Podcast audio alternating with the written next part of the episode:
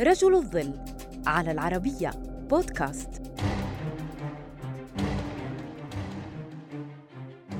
رغم سنه الصغير أذهل جندي الكوماندوز البريطاني ستان سكوت رؤساءه بمهاراته القتالية وأسهم في نجاح بلاده بأهم معارك الحرب العالمية الثانية فما هي قصته؟ ولد ستان سكوت عام 1926 لإحدى العائلات البريطانية التي كانت تسكن بالجنوب الأمريكي وتلقى تعليمه بالمدارس العامة. عندما بدأت الحرب العالمية الثانية كان سكوت في الثالثة عشرة من عمره فقط.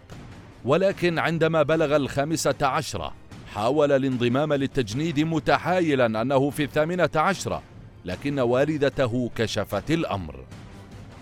في العام التالي تم تجنيده للمرة الثانية ولكن كحارس بمطار وهو ما لم يرق له فطلب الانضمام لقوات الكوماندوز. أثناء التدريب للكوماندوز جذب ستان انتباه رؤسائه بمهاراته بأساليب الدفاع دون سلاح حيث تمكن من كسر ذراع زميل له عندما استخدم سكينا ضده في مبارزة تدريبية. قام بعد ذلك بتمرير مهاراته التقنية لجنود آخرين وبسبب مهارته تم ضمه لوحدة كوماندوز قتالية.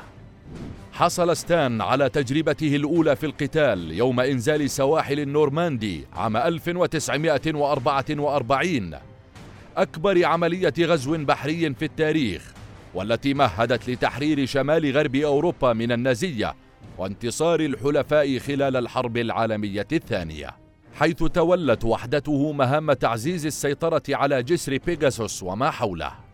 بعد أسابيع من القتال أصيب ستان بجروح خطيرة منعته من القتال لفترة لكنه عاد بعد شفائه للخدمة بالخطوط الأمامية واستمر في القتال فيما لا يقل عن خمس معارك على طول النهر وشارك في تحرير معسكر اعتقال بلسن قضى ستان عشرين عاما كمقاتل والكثير من حياته العسكرية بألمانيا حيث شاهد جدار برلين ينهار وشهد نهاية الحرب الباردة في شفاينفورت قبل أن يتقاعد في عام 2002 بعد الانتهاء من خدمته عاد ستان إلى مقاعد الدراسة حتى حصل على درجة الدكتوراه في العلاقات الدولية والسياسة العامة في جامعة جورج واشنطن.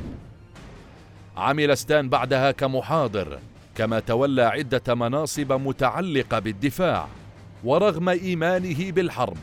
لم يمنعه ذلك من تركيز أبحاثه على السلام وإعادة الإعمار حيث بات يمارس دورا جديدا في خدمة مجتمعه.